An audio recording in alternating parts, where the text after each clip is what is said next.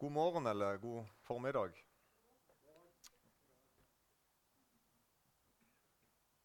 Jeg er litt spent på i dag. Jeg håper at vi sender jeg i veien for dere? her? Går det bra?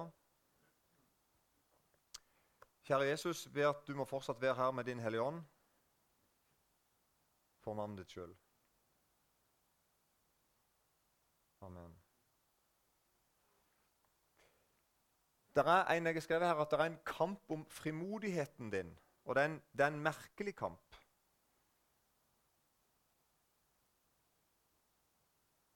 Han, eh, ja, han er vanskelig synes jeg, å avsløre mange ganger.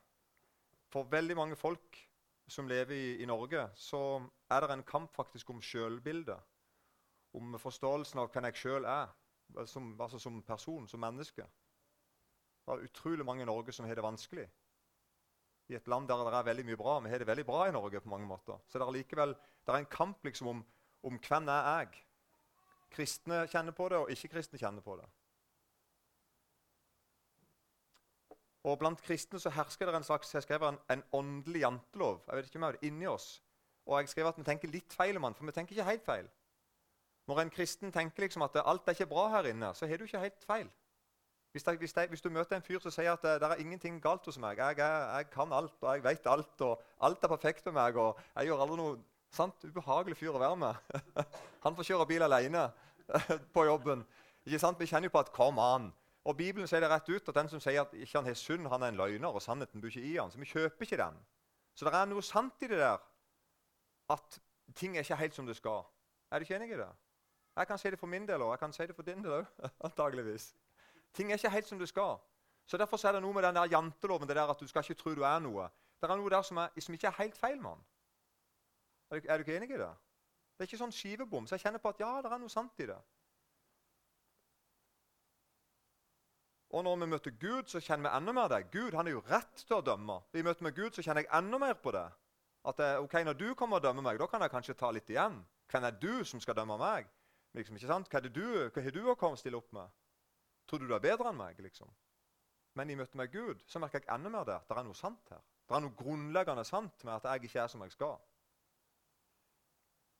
Men så er det likevel noe som er livsfarlig med den tanken. Og da mener jeg altså livsfarlig. Og Det er f.eks. jeg har skrevet her. Du må ikke tro at noe er sant. Det er en tanke som sniker seg inn blant kristne. Du må ikke komme her og komme her og si at noe er sant. Men det sier Bibelen, og det sier Gud, at jo, det er noe som er sant. Det er noe som er sant, som gjør at noe annet er feil. Og da tenker Vi at nei, vi skal være ydmyke i møte med løgnen. så skal vi gjøre løgnen også rett. Nei, det skal vi ikke. Når løgnen kommer, når det onde kommer, når mørket kommer, da står ikke vi og gir, gir de plass. skulle jeg si. Så Derfor skal jeg være sist her, og det vi har hatt litt om, om nådegavene. at jeg opplever at mange kristne blir beskjedne på Guds vegne. Vi tenkte ikke, vi tenkte ikke at, det, var det vi gjorde. Vi tenkte at vi bare var ydmyke, fromme kristne som ikke trodde at vi var noe. Eller iallfall som ikke trodde vi var for mye. Og så vi liksom sånn, gikk vi litt sånn bak i køen når Gud sto der og ville gi oss noe. Så gikk vi litt sånn bak i køen og sa det er ikke så nøye med meg, Gud. Og der er det noe livsfarlig der òg. Gud er noe han vil gi til deg. Og Det er ikke bare fordi at du skal få noe, men det er det òg. Det er fordi at du skal være med og hjelpe oss andre. Jeg er nødt til at du står i køen der hos Gud og tar imot det han vil gi. Jeg er nødt til at du tar imot. Kjære deg, ta imot det. For at du skal komme senere i dag og hjelpe meg. Og Sånn må jeg også tenke. at Når Gud vil gi meg noe, så må jeg ikke tenke at nei, det er ikke så nøye med meg. Jeg må først tenke at det er nøye med meg, og for det andre det er nøye med deg. Det er nøye med min bror og søster. Det er, det er nøye med de, med de her i, på, i området som ikke kjenner Gud i det hele tatt. Så ikke vær beskjeden på Guds vegne. Ikke snakke ned Guds rike. Ikke tenk lite om det jeg hører Gud til. Ikke tenk lite om Guds ord. Det er veldig viktig. Så Det, der med den der, den er en, det er en jantelov. og Det er så vanskelig, for som sagt, det er noe som er litt sant med han. Vi kjenner det at det, jeg, kan ikke, jeg, kan ikke, uansett si at jeg er noe. Så altså, Løgnen holder mennesket i mørket. Og løgnen holder menigheter i jerngrep. Vi begynner å tro på noen løgner om hvem vi er som enkeltpersoner, og hvem vi er som forsamling og menighet. Og Det er utrolig mange menigheter som snakker veldig lite om seg sjøl. Snakker seg selv ned. Du skulle bare visst hvor stort Guds under dere er. Det er ikke småtteri å være barn av Gud. å ha brødre og søstre som er barn av Gud. Det er de største underne på jord. Når to eller tre samles i Jesus sitt navn, så er Jesus lovt en ting. Han skal være der. Det er ganske, det er ganske unikt. Vi sier noen ganger altså Dette er et sitat. Paulus sier det blir ikke noe godt i meg.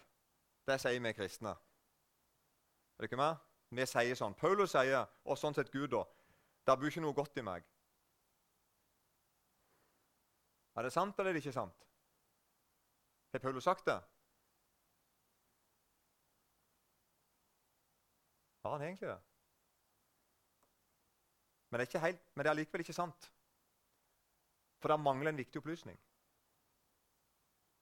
Paulus sier ikke sånn 'Det bor ikke noe godt i meg.' Punktum. Paulus sier en, en tilleggsopplysning som gjør hele setningen aldeles annerledes. For jeg vet at i meg, det er i mitt kjød, bor det ikke noe godt. Hva er det Paulus mener med det? Paulus er klar over at det bor noe godt i han. Gud bor i han. Den hellige ånd bor i han. Så Paulus kan ikke si det ikke bor noe godt i han. Det ville vært å lyge. Det ville vært å gjort hele kristenlivet til en stor løgn. Så Paulus han skiller og sier at jeg vet uten Gud, bare hos meg sjøl, uten Gud, uten samfunn med Gud, da er det ikke noe her å vise til. Da er det ikke noe godt lenger. Er du ikke med? Men så vet Paulus noe mer, da. At han er ikke alene. Og Dette her er veldig viktig, tror jeg. Så når vi siterer Paulus på at det ikke bor noe godt i oss, så må vi legge til den. For jeg vet at i mitt kjød, altså det vil si i meg sjøl, uten Gud, så bor det ikke noe godt i meg. Men du som hører Jesus til, der bor noe godt i deg. Den treenige Gud har flytta inn hos deg. Og han er tempel. Ikke bare at han er der av og til, eller i helgen eller på søndagen i, i men Gud har sagt at han er tempel hos deg. Han er virksom der. Det er to plasser Gud bor, og det er i det høye hellige og i hjertet til en sønderbrutt sjel. Der bor Gud og har tempel. Kjære Jesus, velsigna videre det jeg skal si, for navnet ditt sjøl.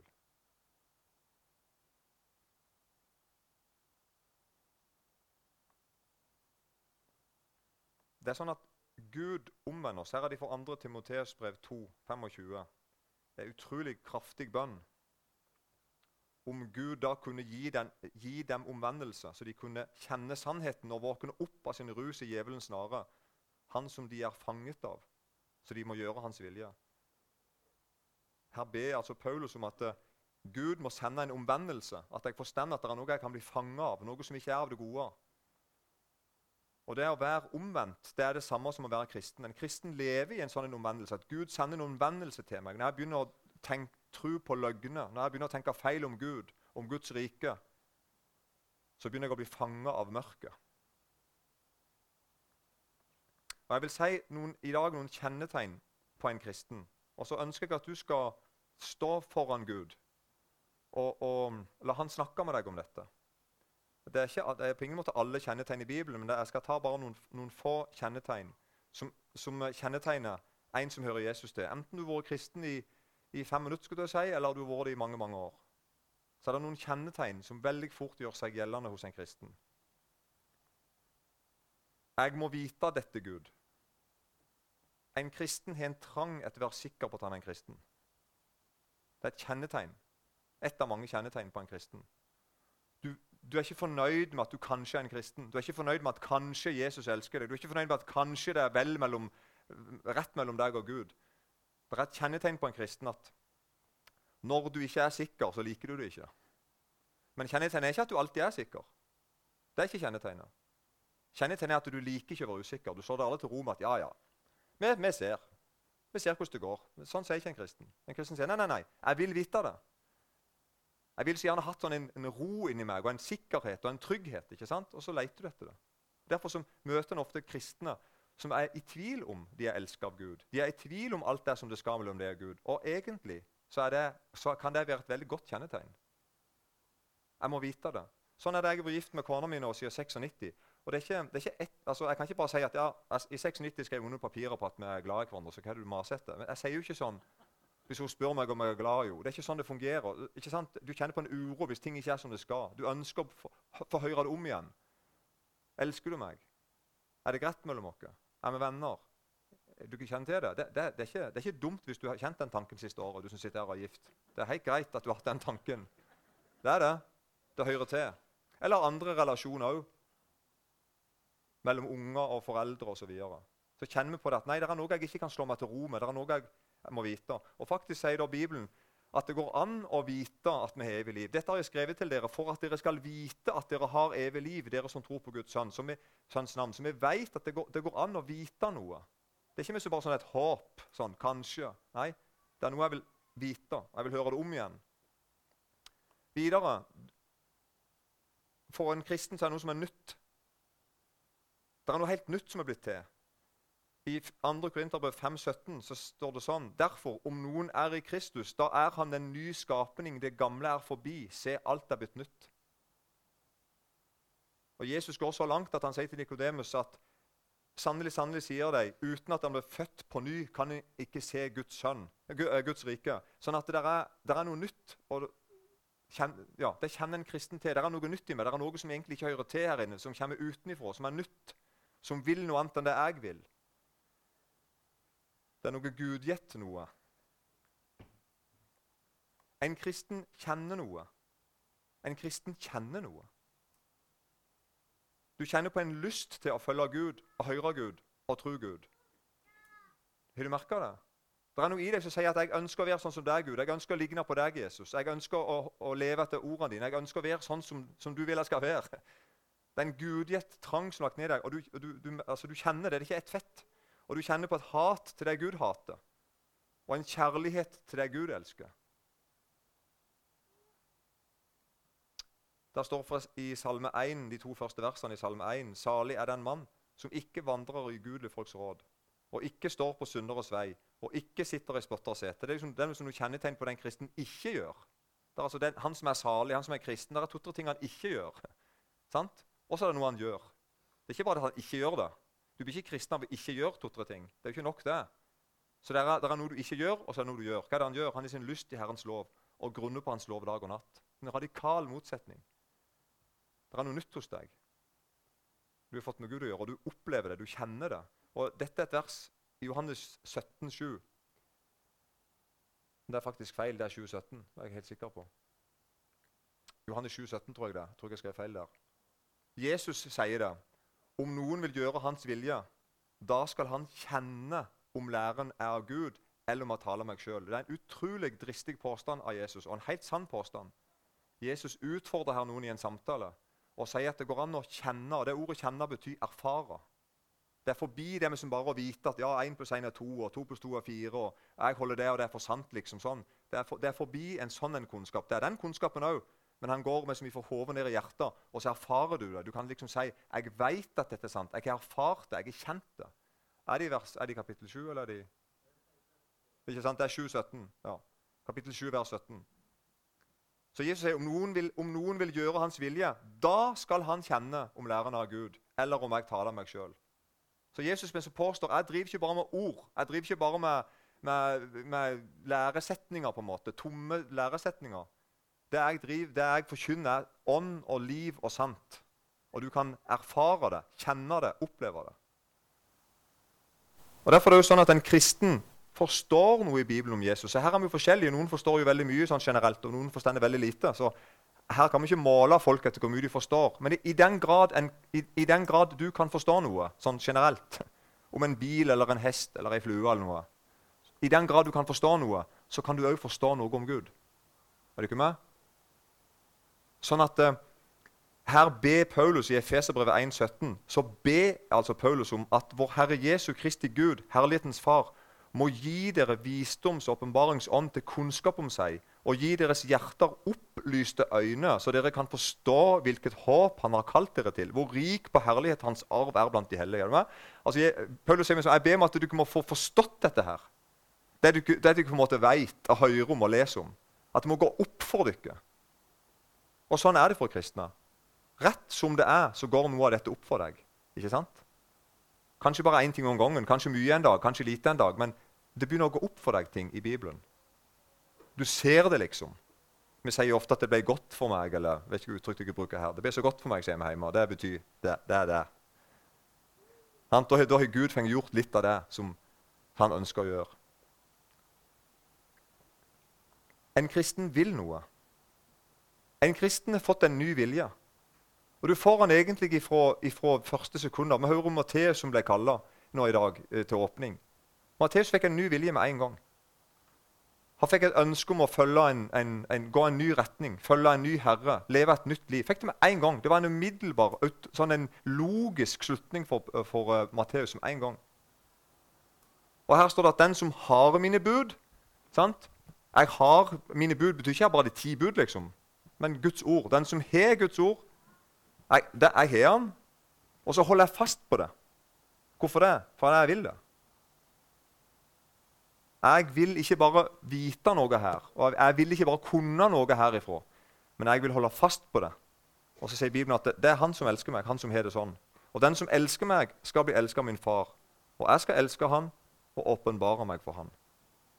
Så En kristen har fått en ny vilje. Jeg vil leve hellig. Jeg vil ikke leve i synd. Jeg vil ikke leve i mørket. Jeg vil ikke leve for meg sjøl. Jeg vil ikke være en egoist. Jeg vil være sånn som deg, Jesus. Og når jeg ikke er det, så kommer jeg til deg igjen og sier at tilgi meg. Og Derfor er det sånn at en kristen han elsker sine åndelige søsken. Det skal jeg si litt om. For det er blitt så godt for meg, dette jeg si nå, at der står ikke at en kristen liker sine søsken. Er det ikke med forskjellen? Jeg kjenner en del kristne som ikke liker meg. Og jeg skjønner de veldig godt. Det er null problem med meg for å forstå at det er, det er, jeg kjenner to-tre kristne som eh, kan godt la være å drikke kaffe med meg. ikke sant? Det er helt greit. Det er lov. Det mener jeg. Kanskje er det sånn her òg at det er noen du ikke, det er noen kanskje ikke du bowler med her. Eller noe. Eller spiller biljard med. ikke vet jeg. Det er noe du kjenner at det er har noe kjemi med dem. Det er ikke naturlig for meg å være med dem. Kanskje til og med noen sår og noe sånt, som gjør at det, det er ikke sånn naturlig om vi har det gøy og kjekt i lag og sånn, og, og kjenne på gode følelser i møte med alle som er kristne. Og Dette bibelverset her, det sier noe mye mer. Og Alle versene du leser i Bibelen om at de kristne elsker hverandre, er langt forbi på en måte sånne gode følelser. Det er langt forbi det. Det, det er noe mer. Jeg elsker deg. Jeg, det er ikke sikkert jeg liker deg. Er du ikke med på forskjellen? Jeg vet noe mye større. Jeg, jeg er klar over at altså, vi vet vi gå, Johannes sier sånn Vi vet at vi har gått over fra døden til livet. Hvordan vet vi det, sier Johannes? Jo, fordi vi elsker brødrene, altså søsknene, de kristne søsknene. Det er et av de største kjennetegnene i Bibelen på at du hører Jesus til. Du elsker dine åndelige søsken. Og Da kan vi ofte bli redde. 'Å, jeg er ikke, ikke like gode følelser for alle kristne.' Nei, og vi skal gjerne be til Jesus om å få det. Men likevel, det å elske søsknene sine det er mer, mye mer enn å ha gode følelser for dem. Og Det er nå vi kommer til det som gjør menigheten til et stort under, og som blir lagt merke til av ikke-kristne. Ikke-kristne legger merke til at de kristne heier ikke på samme fotballaget, stemmer ikke samme partiet, har ikke samme interessene, kjører ikke samme type bil, bor ikke i samme byggefeltet, har ikke de samme vanene, går ikke med de samme klærne. Er du ikke med? De er til og med rykende uenige om en del ting. De er forskjellige. De er ikke like gamle. De liker ikke samme musikk. De går ikke med samme type sko. Er du ikke med? Hva er det som binder de kristne sammen? Guds kjærlighet. Jesus Kristus død for våre synder. Det er det eneste som forener kristne. Alt annet er bare noe fjas. Og Hvis det er sånn at denne menigheten her for eksempel, er bundet sammen av, av, noe annet, så må dere omvende dere. For Det er det som binder dere sammen. Og det er kjærlighet. Det er Guds kjærlighet. Så når jeg møter dere her som hører Jesus til, så vet jeg at du er min søster, du er min bror, og jeg elsker deg. Og det gjør noe med følelseslivet mitt òg, selvfølgelig. Ikke sant? Så antageligvis vil jeg bli glad når jeg ser en kristen sånn stort sett. da. Men det er forbi, Poenget mitt er at det er forbi det der å like noen. Er du ikke, vet ikke, skjønner du ikke dialekten min, da? Ja. For det er sånn Ja. Det er ikke alltid vi liker hverandre, men jeg elsker deg. Jeg skal være sann mot deg. Jeg skal aldri baksnakke deg. Jeg skal aldri lyge om deg. Jeg skal aldri hate deg. Jeg skal aldri hevne meg på deg. Jeg skal alltid be for deg. Jeg skal alltid ønske deg det beste. Jeg skal hjelpe deg til himmelen. Jeg skal blø for deg. Jeg skal gi meg til deg. For du er min, mitt søsken. Og når verden, vil si altså de som ikke er søsken til oss, når de ser det, så ser de det. Veldig. Og de lurer på hva er det dere holder på med for noe.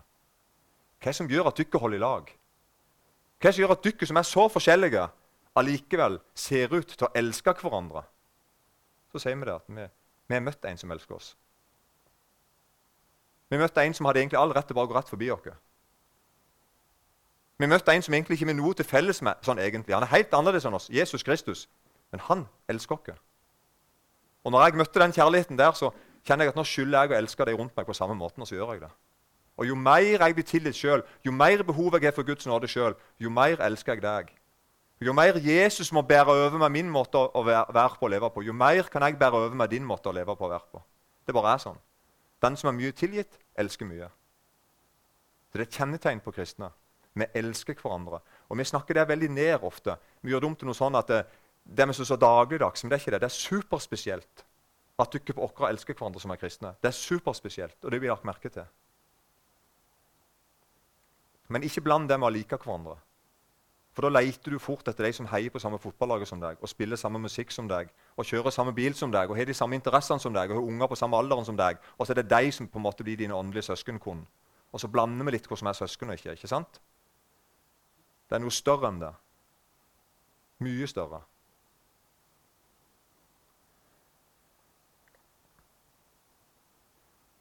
Det er sårt for meg akkurat det med fotball, for jeg heier på Start. Det er et lag som går ned i førstedivisjon annethvert år opp igjen. Så. Kjærligheten er på ordentlig. 1. Johannes brev 3,16. På dette har vi lært kjærligheten å kjenne. At han satte livet til for oss. Det er kjærlighet.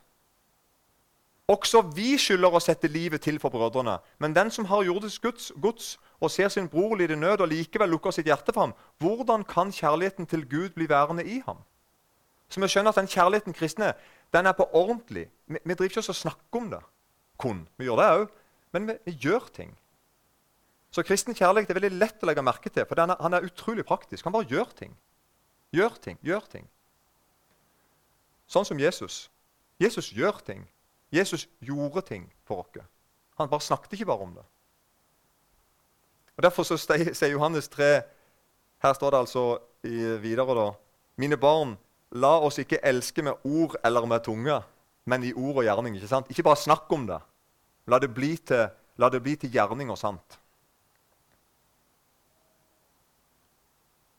Så kristen kjærlighet den er eksplosiv. Den er ekstremt lett å legge merke til i samfunn som er i ferd med å miste kunnskapen om Gud. Så hvis det er noen gang i livet ditt har vært gylne tider for å vise kristen kjærlighet, for å vise evangeliet, for å forkynne Guds evangelie, så er det 2020. Det er lett å bli lagt merke til når du begynner å elske fienden din og elske nesten som deg sjøl. Og bry deg om de fattige og sjuke og de som er på utsida av samfunnet osv. Så, det er gode tider sånn sett for å forkynne evangeliet. En kristen får et nytt forhold til synd. Det òg skjer i et, på en måte i et nu. Det, det, det, før du kan sette ord på det, uten at du er teolog, liksom, uten at vi har lest en haug med bøker, så bare skjer det noe med deg. Guds ånd flytter inn i deg. Sannheten sånn, Han som ikke kan lyge, han som elsker Gud, og, og som er Gud, han bor nå i deg. Og så merker du at 'Jeg vil ikke synde mer'. Du merker det? Og Her står det i 1. Johannes brev 3,6.: Vær den som blir i ham. altså Hver den som blir værende hos Jesus. Ikke bare treffe han en gang, altså, men den som blir i Jesus, er hos Jesus og er hans sin. Så han synder ikke. Og Da kan vi tenke oi, betyr det at han aldri gjør noe galt? Nei, hvis vi leser resten av brevet, så skjønner vi at det er på ingen måte det Johannes forkynner.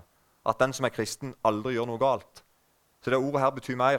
Den som blir i ham, han holder ikke på å synde og forsvare synde og leve i synde, bagatellisere Guds ord. Nei, hver den som synder, har ikke sett han eller kjent han, sier han da. Men vi ser andre plass.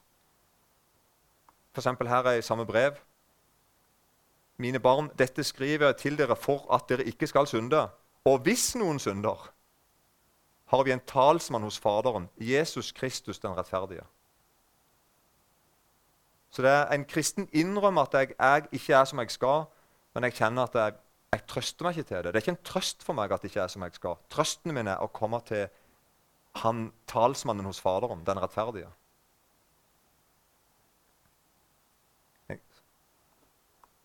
Kjent vers. Dersom vi bekjenner våre synder, er Han trofast og rettferdig, så Han forlater oss syndene og renser oss fra all urettferdighet. Sånn en frelser er med. En kristen er barn av Gud. En kristen er Guds barn og arving. Dette er svære ting.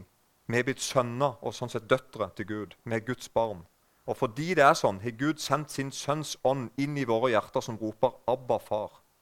Så er du da ikke lenger trell, men sønn. Vi er barn av Gud. Vi kan kalle Gud for far. Og Det innebærer òg altså rettigheter til at en dag skal vi arve ham. Det er en arv. Men er du sønn, da er du også arving, innsatt av Gud. Vi skal arve Guds rike. Vi skal arve alt sammen med Jesus. Vi er, vi er faktisk Jesu medarving. Alt det som er Jesus sitt, er ditt.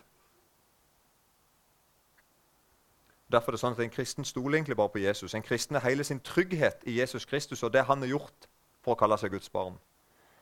Paulus går så langt at han skriver til Galaterbrevet at selv om vi, altså sier han om han og apostlene og, og forkynnerne Selv om vi eller en annen, om en engel fra himmelen skulle forkynne dere et annet evangelium altså enn det at det er Jesus Kristus død for våre synder som er den eneste grunn til frimodighet, og det som er det eneste som kan gi meg eh, barnerett og barnekår hos Gud Altså Om det så kommer en engel fra himmelen og forkynner noe annet, så skal han være forbanna. Så sterkt snakker Paulus. Det er ingen annen frelse, ingen annen vei til Gud, ingen annen måte å ha fred med Gud på enn gjennom Jesus Kristus. Og Derfor så kjennetegner dette en kristen at han, han um, slår på seg på en måte ikke til ro i noe annet enn hos Jesus. Og i budskap om hvem han er, at han elsket syndere, at han leita deg opp og fant deg. Og Derfor er det sånn at en kristen han er trygg. Jesus sier sånn, Johannes sier sånn men, om Jesus at men alle dem som tok imot ham, dem ga han rett til å bli Guds barn, de som tror på hans navn. Så da kan jeg spørre deg, Har du rett til å kalle deg Guds barn? Så kan du svare ja. Jeg har funnet en rett til det. Altså Jeg har funnet en plass der som gir meg lov til å kalle meg kristen. Jeg har fått en lisens om du vil, til å kalle meg kristen. Den er her. Jeg har tatt imot han. Jeg har akseptert Jesus som herre i livet mitt, som frelseren min. Og da har jeg fått en rett til å kalle meg Guds barn. Om så du kommer opp i ansiktet mitt og sier at du ikke er enig i det. Og Derfor så lever jeg òg i omvendelse. Det er ikke bare sånn at en dag møtte jeg Jesus, punktum, og nå lever jeg som jeg vil. Nei, jeg møtte Jesus, og jeg blei hos han. Dette er siste bildet. En kristen blir værende hos Jesus i hans ord. Og Jesus sier sånn i Johannes 8, 31 og 32.: Dersom dere blir i mitt ord Og det ordet 'blir' altså betyr 'bli værende'. Dersom dere blir værende i mitt ord, da er dere i sannhet mine disipler. Og dere skal kjenne sannheten, og sannheten skal frigjøre dere. Så Sånn er det for en kristen.